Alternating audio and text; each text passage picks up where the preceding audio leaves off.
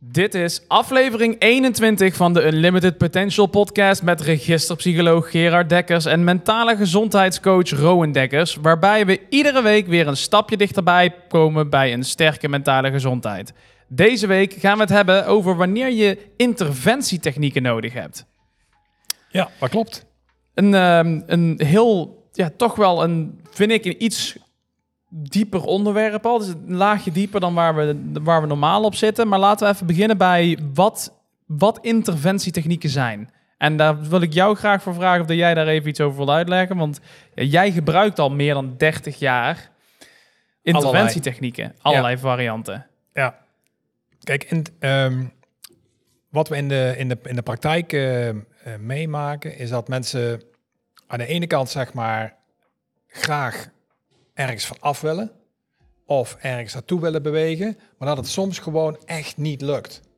Dat er iets zo blokkeert dat het gewoon niet lukt om, um, om die stap te maken. En daarvoor zijn uh, technieken om je eigenlijk een beetje los te maken van je bestaande pad.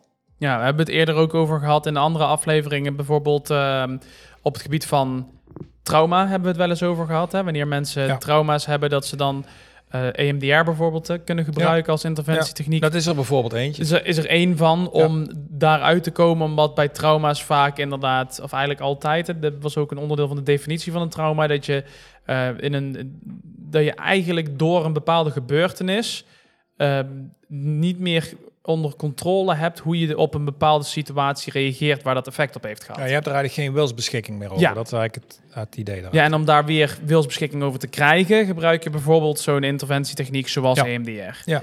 En ja. dat is ook waar ze voor bedoeld zijn. Ja, nou, dat, dat zijn EMDR is er bijvoorbeeld eentje, maar we hebben ook uh, nog uh, emotion freedom techniques. Of we hebben nog, wat, wat doen ze allemaal? Kun je eens heel kort beknopt vertellen wat het eigenlijk uh, wat het is, waar je erbij voor moet stellen. Want ja, als ik ga zeggen EMDR, ja, dan misschien heeft iemand nooit gehoord van EMDR. Wat, wat, ja. wat, houdt, wat is dat?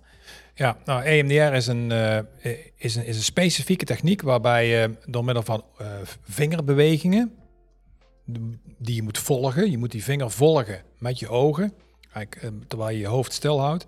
En doordat je die beweging maakt met je vinger en je met je ogen die, die vinger volgt, terwijl je aan de aan, aan de situatie van toen denkt.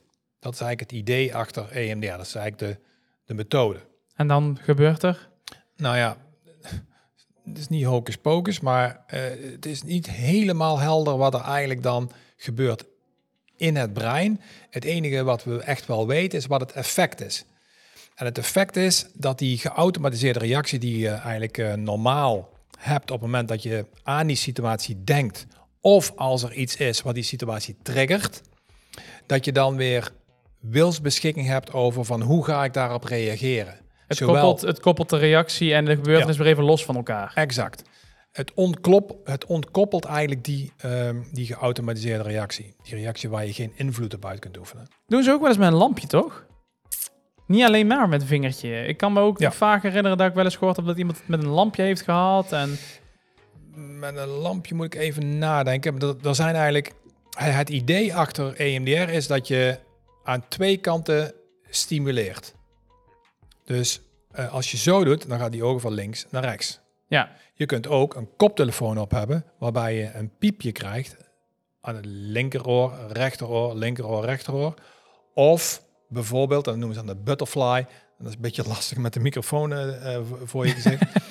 Maar waarbij je, uh, op je, link, op je met je linkerhand op je rechterschouder tikt en met je rechterhand op je linkerschouder dat tikt. Dat moet ze dan zelf doen? Moet ze zelf doen.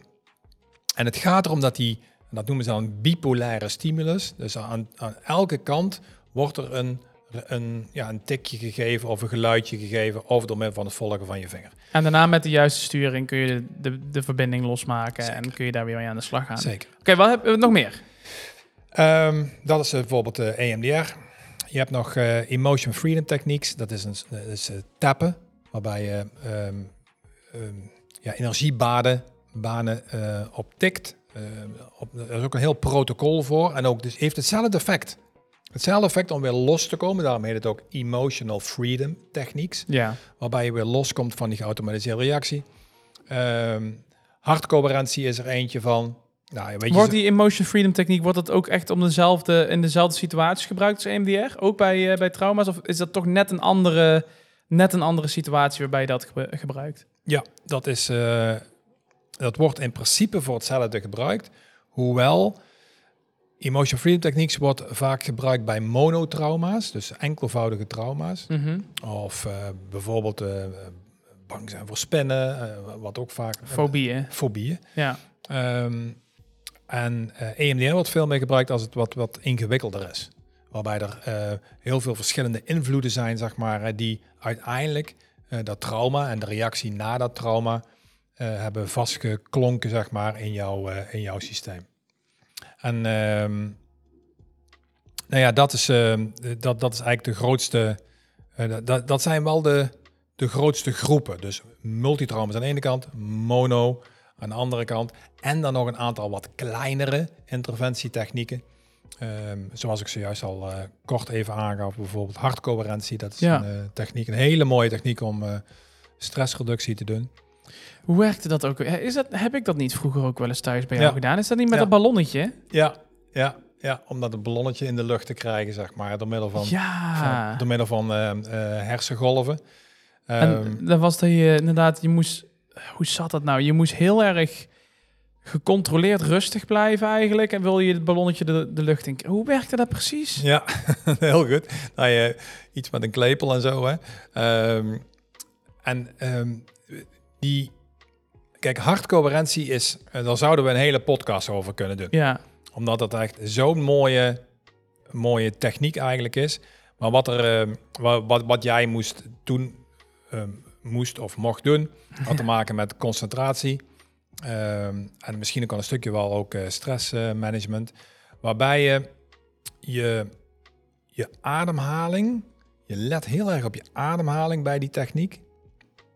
En terwijl je op die ademhaling let, denk je aan datgene wat je wil creëren voor jezelf. Nou, en als dat dan rust is, is dat rust. En dan denken de luisteraars, oké, weet je, oké, prima. Maar je hebt in dit geval bij hartcoherentie dus een metertje op jouw oorlel zetten. ja, Die meet dan jouw hartslag. Nou, en die hartslag die wordt eigenlijk op drie manieren gemeten. Hij wordt gemeten de eh, hoeveel hartslagen je hebt in een bepaalde tijd. ja. Er wordt gemeten hoe, ehm, hoe, ja, hoe stevig die hartslag is. Hè? Hoe hard? Hoe, hoe groot de uitslag is, zeg Ja, maar. ja. En als derde wordt er ook nog gemeten de tijd tussen elke hartslag in. Mhm. En in principe gaan we ervan uit dat op het moment dat je een stevige hartslag hebt, Mhm. dat die niet te veel slagen per minuut heeft, dat je in rust bent. En dat de tijden tussen elke hartslag in, dat die maar een kleine afwijking hebben. Dus dat de tijd ongeveer hetzelfde is. Ja, Nou, en die drie factoren bij elkaar maken jouw hartcoherentiebeweging. En nou, waarom was dat ook zo leuk eh, voor, eh, voor jonge mensen? Omdat er allerlei softwareprogrammetjes bij zijn waarbij je een ballon kon laten opstijgen. Je, als je met ze in coherentie was, zeg maar, als je je Dan ging het brein ballonnetje omhoog, ja. Dan had je een luchtballon en die ging dan verder. En dan, dat weet ik nog heel goed, het was ook Ja. echt niet een, een, ja, ik noem het even een spelletje, was het eigenlijk bijna. soort van. Ehm, maar het was ook niet dat je af kon gaan of zo. Er was geen, de, de- die ballon die kon niet ergens in een boom vliegen dat die in één keer kapot was of Nee. zo. Het was gewoon echt, ja, weet je, als je niet goed in de flow zat, dan kwam je op de grond te staan, dan ging je gewoon niet vooruit. En je wilde ook, ook dan toch nog steeds, wilde je gewoon die ballon zo ver mogelijk krijgen. Dus Ja. dan ga je toch maar, weet je, uh, Ja, probeer dus- op je ademhaling te letten. en, op je eh, Op ademhaling. je concentratie. Let op je, ehm, ehm, let op datgene wat je wil creëren voor jezelf. Hè? Als het Ja, rust dat, is, nou, dat dat rust. verbaasde me echt. Dat verbaasde me echt toen ik het dan- deed. Want het is veel... Wanneer je het doet, is het inderdaad een beetje hocus pocus. Of wanneer je het hoort, is het hocus Ja. pocus, moet ik eigenlijk zeggen. Ja. En dan ga je het doen en dan merk je gewoon echt dat met alleen op je ademhaling letten, gaat dat ballonnetje niet alleen omhoog. Nee, Dus nee, nee. dat, dat weet ik nog dat ik dat heel vreemd vond. Want ik dacht bij mezelf, ja, wat wil die anders mee? Ik, ik let toch gewoon op mijn ademhaling en dan is het gewoon goed. Maar dat was echt niet. Je moest echt wel concentreren. En het was echt moeilijk eigenlijk op zich, op het begin, Ja. om dat ballonnetje de lucht in te krijgen. Nou ja, weet je, en, eh, en het leuke van eh eh, hartcoherentie is dat het natuurlijk een techniek is die je ook daarna nog zelfstandig kunt doen. Dus je kunt daar gewoon in oefenen. Ja, Dus op het moment dat je dan stress ervaart. En dan kun je die quick coherence techniek, die drie stappen, die kun je gewoon zelfstandig zeg maar uitvoeren. En dat heeft ook, uh, ook, ook een prachtig effect. We hebben in de praktijk ook uh, twee uh, leenapparaatjes die, ja. die we mensen soms meegeven. Gewoon ga de komende drie, drie weken eens oefenen. op het moment dat, het, dat je stress ervaart, op het moment dat je misschien zelfs wel een angst ervaart. Is dat nou duur, zo'n apparaat, zo'n hartcoherentieapparaat? Nee, dat valt om mij. Nee, dat valt om mij. De, de, de, um, zo rond de 200 tot 250 euro oh, kost zo'n apparaatje. Oh ja, dat valt inderdaad op zich best mee. Maar het verschil is wel met, je zei het net al een beetje, hartcoherentie natuurlijk een kleinere interventietechniek vergeleken met de rest. Maar ik heb ook het idee dat ten opzichte van de rest, daar komen we dadelijk nog even op terug. Um, maar dat hartcoherentie kun, is ook veel toegankelijker om te doen. Ah, een aantal interventietechnieken die moet je vooral op bepaalde momenten ook gewoon eigenlijk niet gebruiken of niet gaan inzetten. Maar hartcoherentie, ja, correct me if I'm wrong, maar is bijna net als meditatie. Het is iets waar je ook gewoon kan trainen en wat goed is om te trainen. Ook als je in principe fit bent, zeg maar. Nou, wat super leuk is uh, van, uh, van, van hartcoherentie, dat het ook geland is bij allerlei scholen. Met name op, op primair onderwijs. Ja. En er zijn in Nederland een stuk of ik weet niet precies hoeveel, maar tussen de 10 en 15 um, um, hart-brein scholen, zoals het dan heet. Nou, en daar hebben ze op bepaalde momenten uh, tijdens de lessen, hebben ze die quick coherence techniek hebben ze, uh, hebben ze uh, geïntegreerd in hun, in hun lesgeven. En de leraren zijn ook getraind door HeartMath Institute Benelux. Uh, om, uh, om die techniek uh, te kunnen aanleren voor kinderen. Vet. Ja, dat is, super, dat is echt super, super, super gaaf, mooi. ja. Dat is super mooi. Maar wat maakt het nou een interventietechniek dan? Want ik, ik, ik dacht altijd een beetje dat het natuurlijk ook dat stukje was van sommige interventietechnieken die moet je op sommige momenten wel inzetten, maar sommige ook zeker niet. En je gebruikt ze vooral als er bijvoorbeeld echt inderdaad iets is waar mensen ja. geen controle meer over hebben. Maar als ik dan inderdaad luister naar hartcoherentie, dat is ook echt een interventietechniek. Maar dat voelt voor mij nog niet helemaal alsof dat in dat rijtje past. Kun je daar even toelichten? Nou, weet je, jij noemde net uh, meditatie. Ja. Meditatie is ook iets als je, wat je doet als je nergens iets van last hebt. Ja. ja dus kun je gewoon als een onderdeel van je dagelijkse ritueel, kun je dat gewoon uh, elke morgen of wanneer het voor jou goed voelt, kun je, kun je dat natuurlijk doen. Um, bij hartcoherentie is, is toch wel echt uh, het gekoppeld aan stress of concentratieproblemen. Ja, en dat is gewoon toevallig nou dat in deze generatie bijna iedereen wel een vorm van stress heeft. Dus dat het wel van toepassing is. Ja, ja. en um, um, ik denk dat hartcoherentie, uh, precies zoals je het een beetje zegt, hè, is, is wel, vind ik zelf wel de lichtste vorm. Beetje de odd one out in, de, in, de, in het rijtje. Ja, vind ik toch wel. Um, en, uh, maar het, is, het, het, wordt dus toegepast op het moment dat je denkt van, oh wow. Uh, bijvoorbeeld mensen in werk. Als ze, ja. ze hebben een moeilijke vergadering. Mm -hmm. En ze weten dat die vergadering, of ze moeten een presentatie geven, ze vinden het best heel lastig.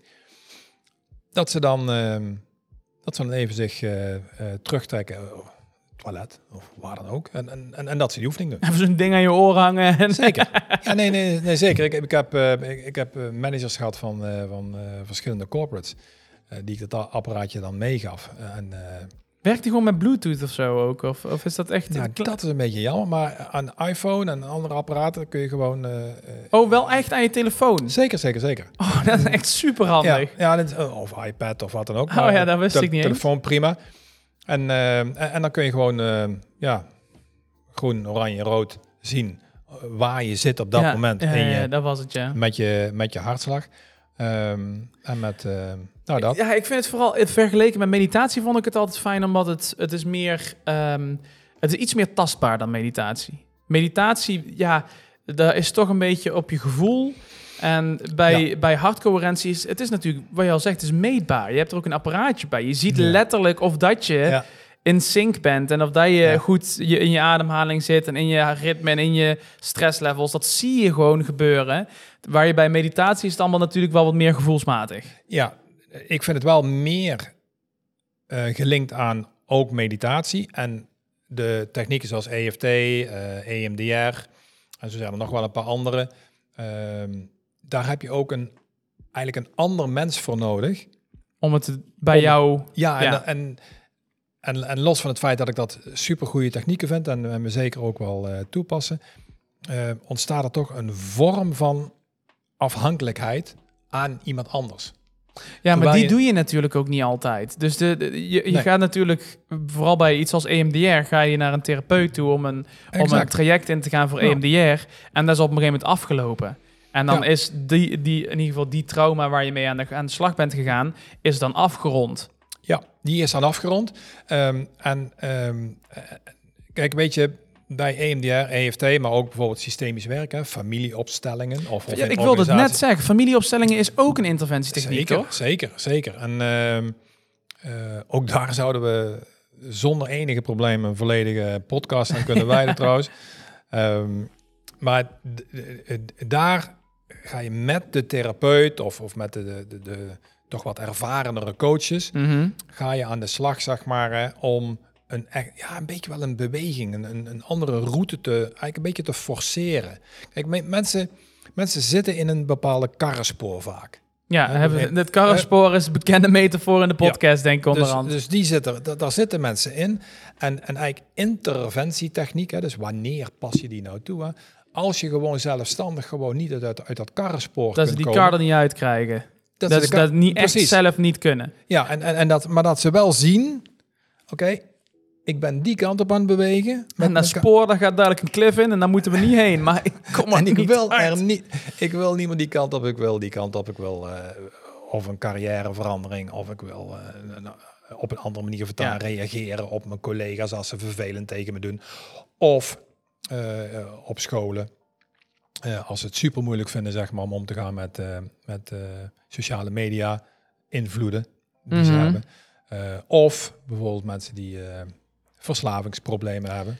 Ja, Ja, en, dat toch even voordat we dan naar het volgende stukje gaan, ben ik nog wel heel even benieuwd. Zou, zou je dan in het kort nog heel eventjes familieopstellingen kunnen toelichten? En dan, eh, dan gaan we door naar het volgende stukje. Ja. Maar dat vind ik, dat vind ik zo'n interessante. Zelf ook. Ik heb het jou een paar keer zien doen. Ja. Ehm, en het is, het is, het is een, echt wel een andere richting net dan bijvoorbeeld iets als EMDR en zo. Het is weer echt, je zet familieopstellingen wel ook echt op een andere, andere moment in. Ja. Zoals ik wel, vertel. Familieopstellingen en ook organisatieopstellingen is er eigenlijk uit ontstaan uiteindelijk. Maar Mhm. familieopstellingen gaat, komt vanuit het systemisch werken. Nou, hoe heet, waarom heet dat systemisch werken? Omdat mensen altijd een onderdeel zijn van een groter geheel, van een systeem. Nou, dat kan een familie zijn, maar dat kan ook een werksituatie zijn of, of, of in een school, een vriendengroep. Dat Ja, een sociaal systeem is een- het, zeg maar. Ja, Juist, een sociaal systeem. Nou is het bij families zo dat dat natuurlijk door de, ehm, ja, door de bloedverbintenis die er is, is dat wel, is het daar ook ontstaan? Is, is dat de meest sterke verbinding, verbindingen? En het is de, ja, je, je kan die verbinding ook niet echt ontkennen. Hè? Dat is een verbinding die in iedereen zijn leven aanwezig is. Nee, maar dat is wel interessant dat je dat zegt. Dat kun je niet, niet ontkennen. Maar je hebt dat eigenlijk in principe ook op het moment dat je ergens werkt en je hebt een baas, Ja. manager, kun je ook niet ontkennen dat hij je baas is. Nee, dat klopt. Maar je kan natuurlijk wel, als je bijvoorbeeld, stel je wordt geboren met een bepaalde ehm, handicap waardoor je afgekeurd wordt en je leven niet kan werken of iets in die Mhm. richting, ja, dan werk je niet. Nee. Maar dat, dat is wat ik bedoel. Een familie heb je altijd, of je het nou wil of niet. Nee. Of dat je er nou mee getroffen bent of niet bent getroffen, of wil of niet. Oké, helder. Ja. Terecht. Ehm, dus het gaat ervan uit dat er een systeem is. Ja. En op het moment dat je je in dat systeem niet fijn voelt, dan zegt eigenlijk het hele eh, systemisch werken, familieopstellingen, dat het ook in het systeem en de verhouding ten opzichte van de mensen in het systeem opgelost kan worden. Ja. Dat is eigenlijk wat je doet. En een van de meest belangrijke onderdelen daarvan is dat je gaat leren om aandacht te hebben voor de verhouding die jij hebt ten opzichte van anderen in dat systeem. Ja. Dus elkaars, Ja. elkaars positie in het systeem ten opzichte van elkaar. Ja, ja nou, zoals jij weet doen we dan op het papiertje gaan staan hè, in, Ja. in onze trainingen. En ehm, voor de eh, luisteraars, eh, zoek het ook anders ook nog maar eens een keer op. Hè. Dat is, dit- er is zoveel te vinden in het, eh, op het internet hierover. Maar wat, wat ongelooflijk interessant is van dat systemisch werken, en met name familieopstellingen, is dat je door een aantal simpele technieken die wij als, eh, als trainers, als gecertificeerde trainers doen, is dat je helemaal in die andere persoon kunt duiken. Dus je kunt, je wordt door, een- door een aantal stappen geleid en op een gegeven moment dan ben je echt die persoon. Ja. En het grappige is dat je zowel nog steeds jezelf bent, Ja. als dat je helemaal in die persoon kunt duiken. En dat, dat kan tot zo ongelooflijk veel inzichten leiden. ehm, Dat dat is je. heel mooi. Je ziet het, je ziet het inderdaad. Ik heb het mogen, mogen zien als eh, buitenstaander dan, toen dat jij het bij iemand hebt gedaan. En je, je ziet inderdaad mensen echt door een transformatie heen gaan, waar ze op het begin bepaalde dingen gewoon echt niet inzagen, daarna wel. En ik vind het leuk dat je zegt van ja, door een aantal simpele technieken. ehm, ik, het viel me wel op, ze leken vooral simpel. En dat is ook het mooie eraan. Maar ze zijn natuurlijk extreem gecontroleerd. Al die interventietechnieken zijn Ja. extreem gecontroleerd Ja. omdat het natuurlijk ook wel een, een beetje een fragiel werk is. Alleen je laat ze heel makkelijk lijken. Dat de ervaring voor de anderen vaak een heel, ja, toch wel makkelijk, laagdrempelig proces is waar je doorheen gaat. Het is allemaal niet zo, Ja. het voelt allemaal niet zo zwaar beladen of zo. Ja, wat, wat je vast nog kunt herinneren, hè, dat, dat, dat, dat, dat we dan men- aan mensen vragen van, goh, eh, daar staat die persoon. Nou, die persoon die staat dan, dan dus niet echt daar, maar die, die, die- daar ligt Daar dat, ligt dat daar ligt papiertje. dat papiertje met, met die, neusje erop getekend. Hè, en dat leggen ze dan zelf ergens neer. Dan zeggen we van, goh, ga eens ergens staan ten opzichte van dat papiertje. Dan gaan ze er ergens staan in de omgeving. En dan vraag je, goh, wat, wat, wat vind je nou van die persoon? Vertel er eens wat over. En ik, en wat er voor ja, mensen die het nooit, nooit meegemaakt hebben, maar het is echt ongelooflijk als je door een aantal stappen heen gaat, hè, hoe verschillend het dan de uitspraken zijn tijdens die eerste vraag en en de- aan het einde. ja, Als ja. ze zelf ook een keer op papiertje hebben gestaan. Helemaal Buiten het feit dat na drie vragen het echt al lijkt alsof die persoon er echt staat. Hè? Dan zijn Ja. mensen, zitten mensen echt al erin. De eerste vraag is nog een papiertje. En echt de derde vraag zijn we echt wel al aan de slag met degene die daar eigenlijk zogenaamd zou staan. Ja, en, en in, die, eh, in, die, in die oefening zitten dus meer mensen bij hem, dus altijd een groep. Ehm, en, en die vragen we dan ook altijd, goh, let eens op wat hier gebeurt. Let eens op wat hier dan aan verschillende dingen, zeg maar, gezegd worden in de verschillende fasen van wanneer ik iemand ergens vraag Ja. om ergens te gaan staan, dan naast of voor. Super, ik vind het echt een super gave techniek. Ik heb hem zelf, heb ik nog, ben- ik nog geen eh, gecertificeerd eh, systemisch werker die dat kan, eh, mag Nee. uitvoeren. Nee. Maar ik wil dat wel ooit ook gaan halen. Die staat Ja. zeker op mijn bucketlistje nog. Ja, en, Ehm, maar als laatste, ik onderbreek jou, ehm, voor de luisteraars en voor de kijkers. er zijn door het hele land zijn er heel vaak opstellingen. Ja, dan dus kun je in door ja. therapeuten. En dan kun je zelf gewoon naartoe. En dan, ehm, en dan kun je, als je wilt, dat noemen ze dan representant worden. Dus dan kun je daar naartoe. Kost niks. Je kunt er naartoe. eh, en, je, en, je, en je zit met dan bij die... Iemand brengt dan een, een, een probleem in. En jij kunt dan ook uitgenodigd worden om iemand te representeren. Dat is gewoon een interessante ervaring. Ja, het is echt. En, en het is, dat, dat, dat levert zoveel ehm, inzichten op. Ja, en het is natuurlijk ook voor degene die het probleem neerlegt. Ook wel, ehm, wel heel fijn dat er ook mensen zijn die, Ja, precies. die het leuk vinden om daar naartoe te gaan. Als Maar- je, ja, als je enigszins geïnteresseerd bent in het menselijk systeem, als je het enigszins interessant vindt hoe dat soort dingen werken of Ja. hoe dat gaat. En ik, ik neem aan de meeste mensen die naar ons luisteren, vooral die nou al na 24 minuten in de podcast nog steeds luisteren, Ja, die vinden dat wel een beetje interessant. Ga het gewoon een keer ervaren. Het is Ja, echt superleuk om te doen. Superleuk. Ehm, maar eh, we hebben het al even een beetje gehad nou over wat wat technieken zijn. Ehm, maar ja, wanneer, wanneer zet je ze nou in? Ja, daar hebben we ook wel een beetje over gehad. eh, over hoe je EMDR inzet bij bijvoorbeeld bij trauma's. Ehm, en eh, EFT eh, inzet meer bij ook fobieën en Ja. meer de, ja. hoe zei je dat, Ja. de mono... ja, de, de, de monotrauma's. Hè? De we- monotrauma's, ja. precies. Ja, enkelvoudige trauma's. Ehm, maar ja, hoe vaak gebeurt het bijvoorbeeld bij jou? Kijk, jij hebt een echt een psychologiepraktijk. Eh gebeurt dat bij jou nou ook echt bij, zeg, bijna iedere cliënt? Of zeg je van, nou, interventietechnieken is echt nog niet die eer, zeker niet zoiets wat altijd voorkomt? Nee, komt zeker niet altijd voor. Nu is het Ehm, want we hebben natuurlijk eh, het Up Coach programma en, en nog eh, ook binnen Met de Smie hebben we ook allerlei trainingen natuurlijk. Mhm. eh, die in het bedrijfsleven worden gegeven. En dan is het zeker niet altijd nodig om met elkaar een interventietechniek te moeten doen of één op één een interventietechniek te doen.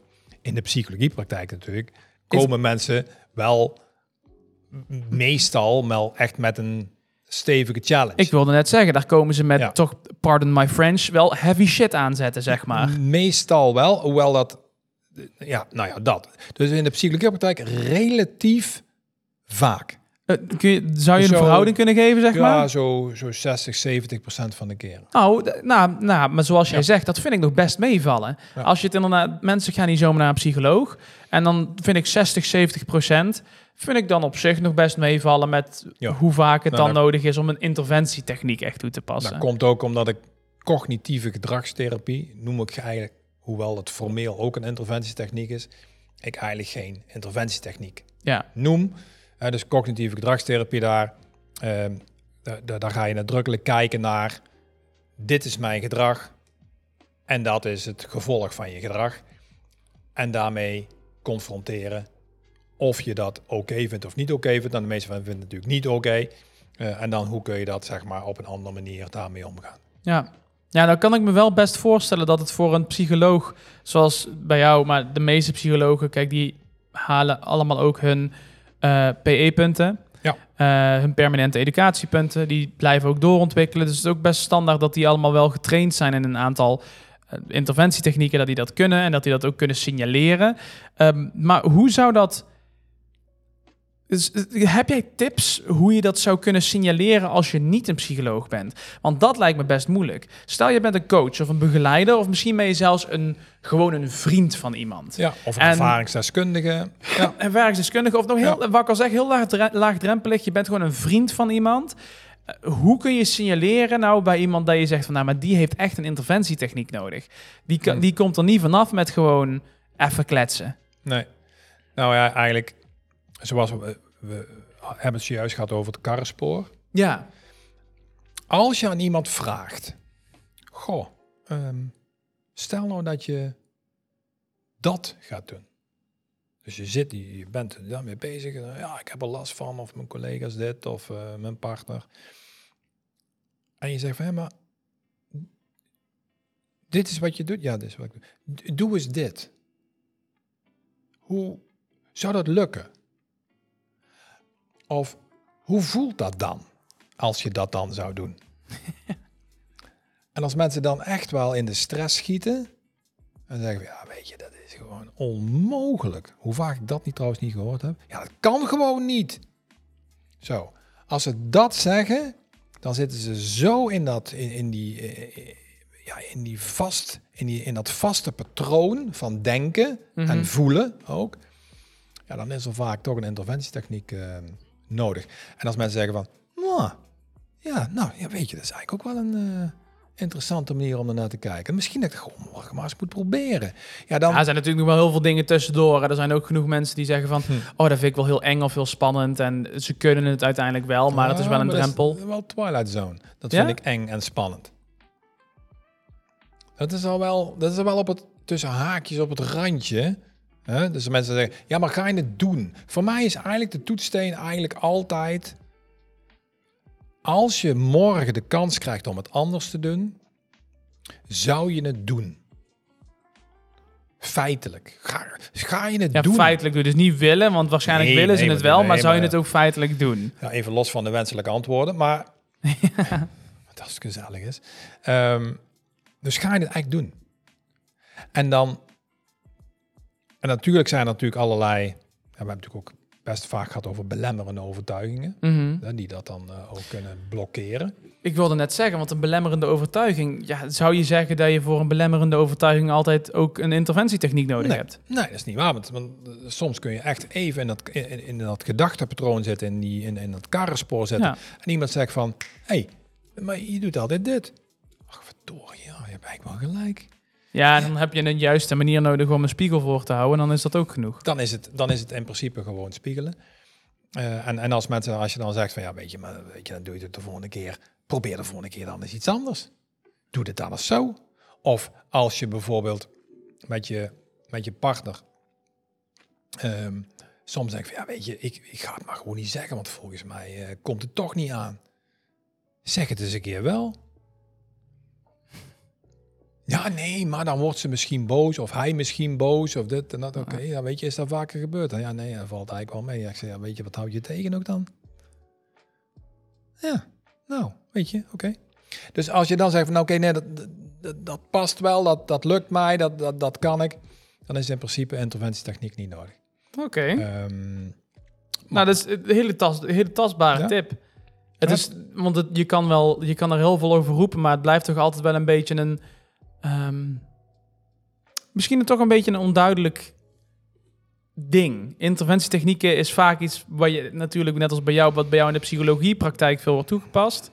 Maar in het dagelijkse leven, ja, buiten de psychologen, ja, daar, daar krijg je er zo weinig mee te maken. Ja, nou tegenwoordig dan op de hart-breinscholen eh een stukje hartcoherentie, maar ja, heel Ja. veel verder dan dat komt het natuurlijk niet. nee, Ehm, maar je, je hebt ook de keerzijde van de munt. Zeker. We hebben, eh, wat ik nou vroeg was eigenlijk wanneer ga je het signaleren om het te gaan doen. Ehm, maar we hebben het ook eerder gehad over, vooral bij MDR, eh, dat er situaties zijn dat je het eigenlijk ook niet moet gebruiken. Ja. Ehm, even in het algemeen, laat, laten we bij algemeen beginnen. Wat zijn nou ook momenten dat je zegt van, nou, dan moet je gewoon echt niet met interventietechnieken gaan doen. Moet je niet op dat moment gaan doen. Nou, wat EMDR bijvoorbeeld ook doet, die desensitiseert, hè, dat is ook de afkorting, hè. Dus die desensitiseert de invloeden, zeg maar, dus het, het, het binnenkomen in, in, jouw, in jouw gevoelssysteem Mhm. van, ehm, eh, van, van, van de ervaring van het verleden. Dus, die, de- dus je voelt eigenlijk feitelijk ook op een gegeven moment die ervaring niet meer. Je hebt dan wel van binnen last van het feit dat je denkt van, oh wauw, ik voel me niet fijn of ik voel me angstig of wat dan ook. Ja, je koppelt hem, koppelt hem los, wat we al zeiden. hè? Precies. Ja. En, ehm, en als, je, als je dus die pijn blijft desensitizeren bijvoorbeeld, hè, dus, blijft afvlakken, ja. nou ja, weet je, dan, dan, dan, dan voel je die trigger niet meer. Dan voel je de ernst ook niet meer. Wat Nee. wij al, waar we het al vaker over Ja. hebben gehad. Ja. Mensen, wanneer mensen de pijn niet meer voelen, dan doen ze er ook niks meer aan. Ja. Of in ieder geval vaak niet meer. Dan is het een beetje uit de ogen, uit het hart. Ik heb het er, eh, volgens mij hebben we het er gisteren nog op een familieverjaardag over gehad. Hadden het over de situatie in, eh, in Venetië. We hebben tijdens de coronatijd hebben we toen gehad, hè, dat eh, omdat er eh, in, die, eh, in die grachtjes overal geen, geen gondels meer gingen en alles was heel rustig, dat er in één keer allemaal dieren weer terugkwamen. Allemaal, allemaal leven in dat water. Dat Ja. water werd, weer mooi schoon.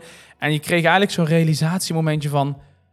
Wow, we zijn echt hier het water aan het, aan het kapot maken, zeg maar. Eigenlijk met alles wat we hier doen. En toen was de pijn weg. Corona was voorbij. De hele, hele mikmak was weg. En nou zitten die, die kanalen en alles. Die zitten weer helemaal vol met, eh, met gondeltjes en mensen. En Ja. alsof we het gewoon compleet vergeten zijn. Ja. Ja. Het is echt het- het wonderbaarlijk, hè? Pijn is weg. En het is weer... eh, Nou ja, dat kan soms, eh, in mijn optiek kan dat soms, dan noemen we dan de contra-indicaties, dat je denkt van, weet je, dat, dat moeten we, moeten we eigenlijk nu niet doen. Nou, die pijn weghalen, omdat het een, een gunstig signaal kan zijn, mits dat het niet iemand bijvoorbeeld echt blokkeert. Ah, Gerard, doe toch gewoon, eh, kun je niet even EMDR doen, want weet je, ik, ben ik er vanaf? Ehm nou ja. Aapje doe trucjes. Zo vaak komt dat echt niet voor dat mensen dat trouwens vragen, maar is wel eens gevraagd. Nee. Dan zeg ik, ja, weet je, is het nou wel zo verstandig? Want laten we eerst eens eventjes kijken waardoor die, waar die pijn dan door gecreëerd wordt. Nou, dan zul je zeggen van, ja, wanneer pas je dan in dat soort situaties wel EMDR toe? Nou, EMDR is, is super fijn om heel gedoseerd ehm, je te laten confronteren met een stukje van de pijn. Dus dan krijg je, kijk, als je een pijn hebt, eh, hele zwaar, bijvoorbeeld, nou, ik denk bijvoorbeeld aan incest of iets in die richting. Dat is een hele zware pijn als je daar in één keer mee geconfronteerd wordt. Dat is, dat is onmogelijk eigenlijk. Dus wat je dan met EMDR doet, is dat je telkens nieuwe pijnlijke situaties, kleine pijnlijke situaties creëert. Bijvoorbeeld, ja, dus als je eh, enorm veel last eh, daarvan hebt en, en je kunt die, die situatie ook niet terughalen voor jezelf, hè, want je moet, Ja. voordat je het kunt verwerken, moet je eigen situatie terughalen. Je kunt dat niet. Dan, ehm, wat, wat we dan doen, dat we een hele veilige situatie creëren voor de cliënt in gedachten Ja. met een klein beetje een angstig moment erin. Ja, Hè, bijvoorbeeld eh, dat, eh, dat iemand op een, dat je zegt van oké, weet je, je weet wie de agressor was, degene die eh, bijvoorbeeld incest gepleegd heeft. En zeg van nou weet je, maar die is op dat eiland. maar buiten zicht. Maar die is daar gewoon ergens. Die is daar. Het eiland heeft geen bruggen er naartoe. En jij staat op het vasteland. Ehm, Oké, hoe voelt dat? Nou, de meeste mensen, de meeste, ah, soms kan het ook nog wel eens moeilijk. Ja, maar als die nou naar mij toe zou komen, oké, prima. Nou, dan zorgen we ervoor dat het in ieder geval ook niet kan. Hè, door er een hek eromheen te zetten. Dat doen we dan allemaal mentaal. En dan op een gegeven moment ga je zeggen, oké, voel je je vrij genoeg om te zeggen, oké, laten we eens op een bootje gaan en we gaan langzaam richting dat eiland. Tot wanneer, hoe voelt het nu als we nu halverwege zijn? Nou, dan zijn ze halverwege. Hoe voelt dat nu? Ja, op een schaal van 0 tot 10. Ja, toch wel een, eh ja, het begint toch wel een 7, 8 te worden. Oké, een klein stukje nog. In de gedachten allemaal mensen. Dus dit is allemaal in de gedachten. Het zou wel zijn als we voor een therapiesessie Ja, echt een boer, boot gaan huren en een Nee, eiland en een... Precies, en, en, dan, en dan ben je... En dan lang, op een gegeven moment zeg je, oké, nou, nou voelt het toch wel heftig. Oké, stop. En dan EMDR. Dat is pijn, voelen. Dan EMDR. Butterfly, piepjes. Totdat die pijn gedesensitiseerd is tot onder de 2. Op een schaal van 0 tot 10. Mhm. En dan bestendigen we dat, dat dat, dat, dat op die 2 blijft. Hoe voelt het nu? Ja, ja, ja, eigenlijk wel een 2. Kan hier eigenlijk wel zijn. Oké, nou prima. En dan heel vaak stop ik al tijdens de eerste sessie. En dan de volgende sessie gaan, oké, weet je nog waar we waren? Ja, ja oké, dan, toetsen we even. Is het nog steeds een 2? Ja, nee, ja, een 3, 2. Ja, nee, het is nog wel. Oké, prima. Nu gaan we in het bootje iets meer richting het eilandje. En op een gegeven moment landen we op Ja, nou daar waar, waar het eilandje begint. En zo ga je elke keer een stapje En zo ga je elke keer een stapje verder en dan, en dan, en dan, ons, en dan elke keer opnieuw doseer je een beetje de pijn. En eh, zo werkt de EMDR. En het is echt een, eh, een hele mooie, krachtige techniek. ehm, wat stevig geprotocoleerd is. Dus je moet er ongelooflijk goed opletten als eh, therapeut. Ja, want het is toch wel... Daar hebben wij het ook wel eens over gehad. Het is ook, wordt veel... ehm, je hoort er veel gemengde verhalen en ervaringen over. Je hoort eh, van mensen hè, die een Ja. therapeut hebben gehad die er toch niet zo goed in was. eh, dat ze claimen. Hè. Dat is ook altijd maar de vraag of het echt zo is of niet. Ehm, maar er zijn denk ik ook wel, omdat het zo'n zo'n zo'n fragiele techniek is, Ja. zijn er ook wel veel therapeuten die er misschien toch moeite mee hebben om daar echt heel Ja, goed dus- in te zijn. Echt, het is echt wel een vak. Eh Ehm, EMDR is echt een...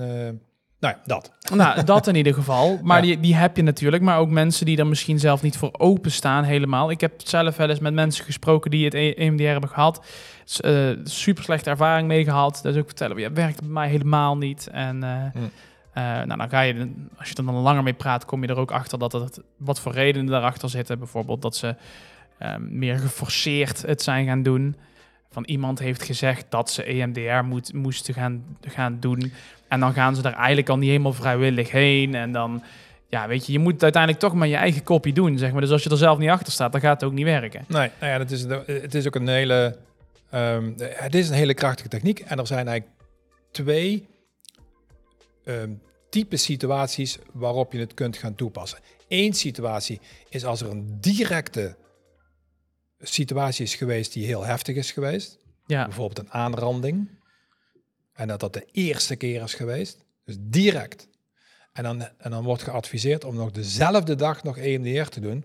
Omdat er voor, daardoor gezorgd wordt dat, dat, dat die heftige situatie zich niet verankert in jouw systeem. ja, eh, ja. Dat is één. En dat is natuurlijk de, ene kant. En de andere kant is dat er in het verleden, lang geleden, een trauma is geweest. En dat je met Die dus EMDR juist langs- heel erg verankerd is. die al heel erg verankerd is. En dan moet je langzaam terug, eh, eh, terug naar een soort normale situatie voor jou. Ja, dan moet diegene nog wel nog steeds voor openstaan. Ja, en sommige mensen krijgen ook ehm, hoofdpijn, misselijkheid. eh, omdat je natuurlijk wel ja, een pijn terughaalt. Je bent toch wel echt, echt di- diep aan het graven, inderdaad, in een oude pijn op dat moment. Dat, dat is eigenlijk, eigenlijk wat je doet. En ehm, ja, het, het, het, het vergt gewoon enorm veel professionaliteit om dat op een goede manier te doen op het moment dat je het over een oude pijn hebt. Ik denk aan die, aan die kant van, van, van een, een directe situatie, zoals bijvoorbeeld een aanranding of een overval. Hè, dat, dat, is het standaard protocol ongeveer bij. eh, bij eh, Is dat zo, ja? Overval Ja. is meteen EMDR de, voor dat, de... dat, is, dat wordt wel echt geadviseerd. Ja. En eh, eh, heb, je, heb je nou iets waarbij je een beetje kan controleren voor jezelf of dat iets of dat je ergens een betrouwbare source hebt voor EMDR? Is dat nou een, een keurmerk? Ja, ik wil, wil ik bijna dat zeggen zijn- keurmerk, maar zijn Ja. dat dingen waar mensen aan kunnen zien van nou hier kan ik wel redelijk in vertrouwen naartoe gaan voor mijn EMDR en dan zonder te zeggen je moet naar eh, psycholoog Eindhoven gaan eh, genaamd Gerard Dekkers Nee, en nee, nee, nee, dat zou ik erg druk krijgen, denk ik. Eh, los daarvan, kwalificaties, hè, dus, dus, dus gewoon, gewoon vragen. Gewoon wat. Ik, ik denk dat het, weet je, het is toch een beetje raar wat ik nu misschien wel zeg, hè, dus om vragen. Maar bij EMDR vind ik dat, kan ik iedereen dat toch aanraden. Op het moment dat je naar, naar iemand toe gaat die ook zegt van ja, ik kan ook EMDR, dat je toch even kort even navraagt van goh, eh, hoe zit dat? Eh, eh, bij welke vereniging ben je? Bij welke, welke kwalificaties heb je? mhm.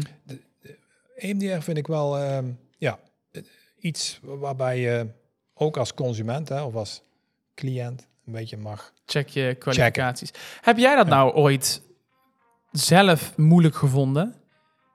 Of heb jij echt nooit, nooit angst daarvoor gehad? Want het lijkt me wel echt, het lijkt me toch best wel. We hebben het vorige keer gehad over verantwoordelijkheid als men, in de mentale Ja. hulpverlening.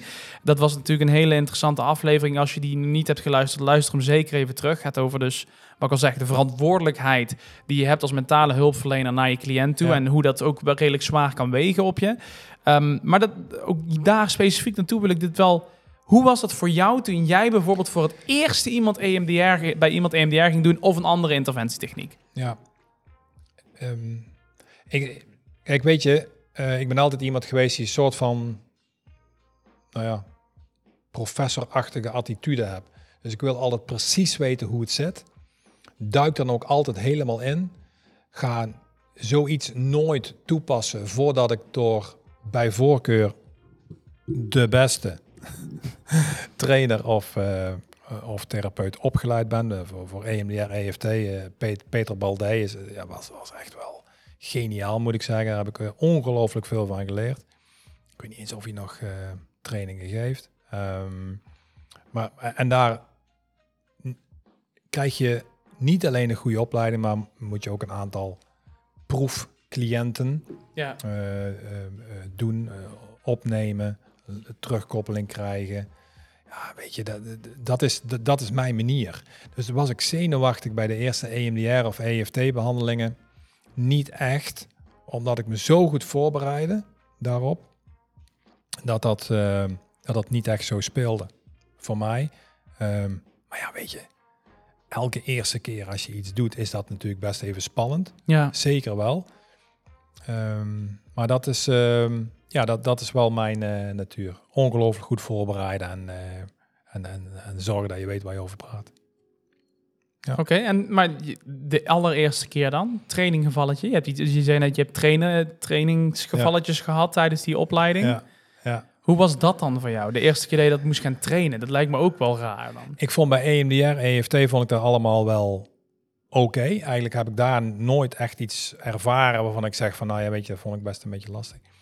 Maar bij, ehm, bij familiebestellingen wel. Ja? Hoezo dat dan? Ja, weet je, dan, ja, dan moet je helemaal. ehm, dan moet je. Je moet ook echt helemaal contact maken met die, met die persoon. En dan naast gaan staan en heel rustig praten. En, en, en ik ben toch net iets meer van de energie erin en zo. Chaka, gas ja, erop. Ja, precies. En, en dat, dat was voor mij wel echt even van oké. Oké, en dan rustig. En, en echt helemaal het, het, eh, het tempo van de, van de persoon waar het over gaat. De inbrenger eh, van het probleem. Dat je die helemaal zelf, eh, zelf het elke keer checken opnieuw.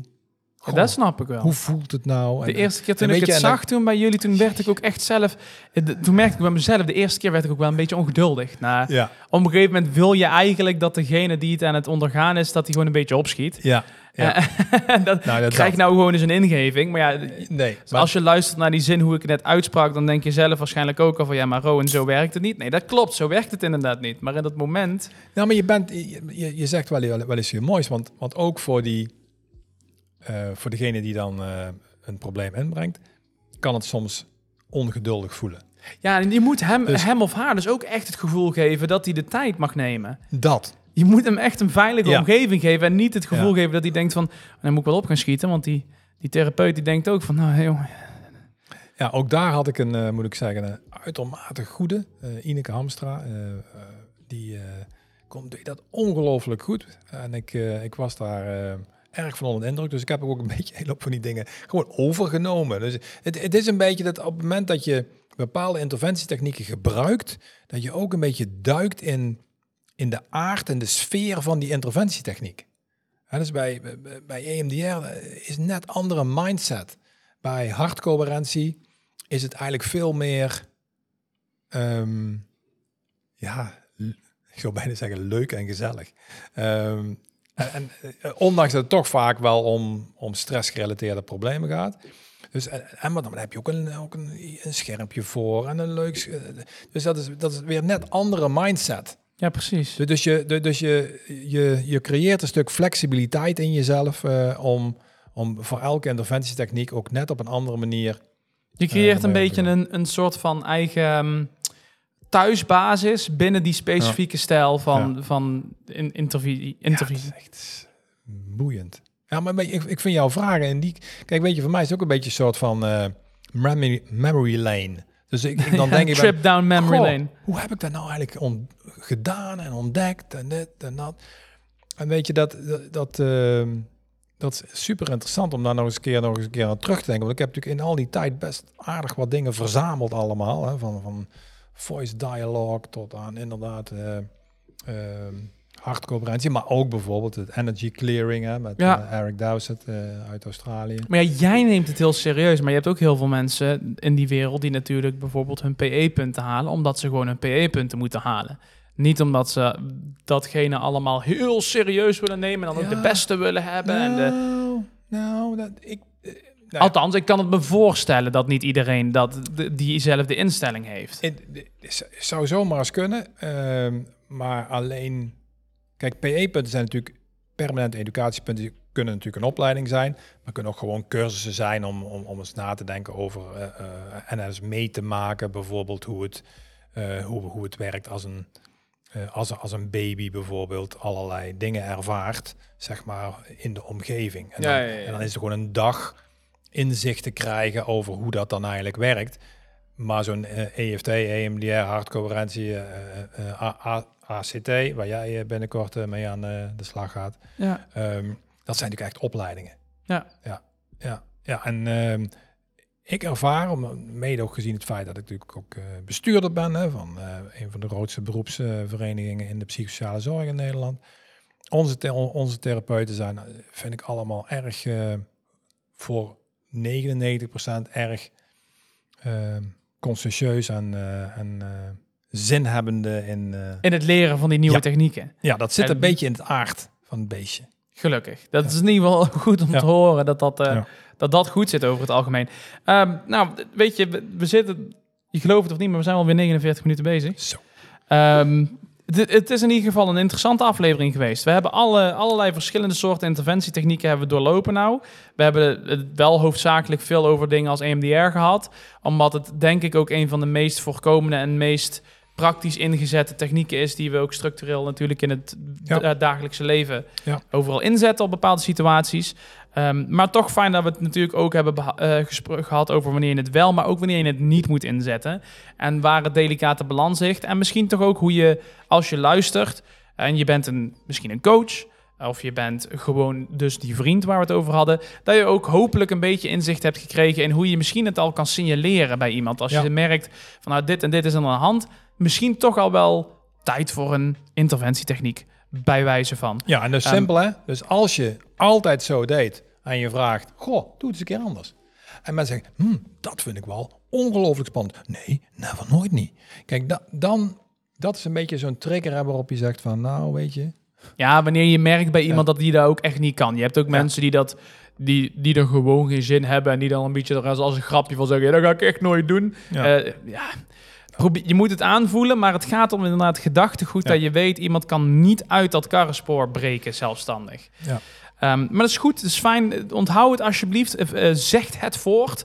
Eh, ik heb het idee dat er heel weinig awareness over is. Van, hè, dat, dat iedereen gewoon weet wanneer een, in- een interventietechniek wordt, wordt gebruikt. Ja. Wanneer je die kan signaleren en hoe je Ja. die kan inzetten. Dus nou, hopelijk hebben jullie dat een beetje mee kunnen krijgen. Ehm, en natuurlijk een, hopelijk ook wat inzicht over wat interventietechnieken zijn. Hoeveel we er hebben. Welke kant die allemaal op kan gaan. Wat het allemaal inhoudt. Hopelijk is, is dat een beetje de info, het informatieve gedeelte wat we met deze aflevering hebben kunnen geven. Als opdracht hebben we dus ook niet echt een opdracht.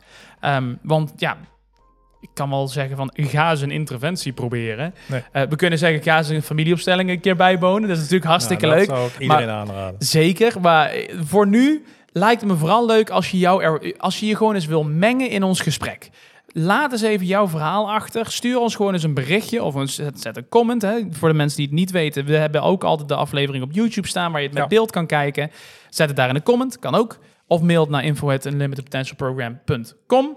Ehm, en deel gewoon jouw ervaring. Meng je in het gesprek. Wat is jouw ervaring met interventietechnieken? Heb je er zelf in gehad? Wil je er graag nog iets mee gaan doen? Eh, start het gesprek. We willen Ja. het graag horen. We zijn enorm benieuwd. En wie weet, eh, nodig je wel ooit uit of gaan we het een keer behandelen in een, in een aflevering? Gaan we het erover hebben?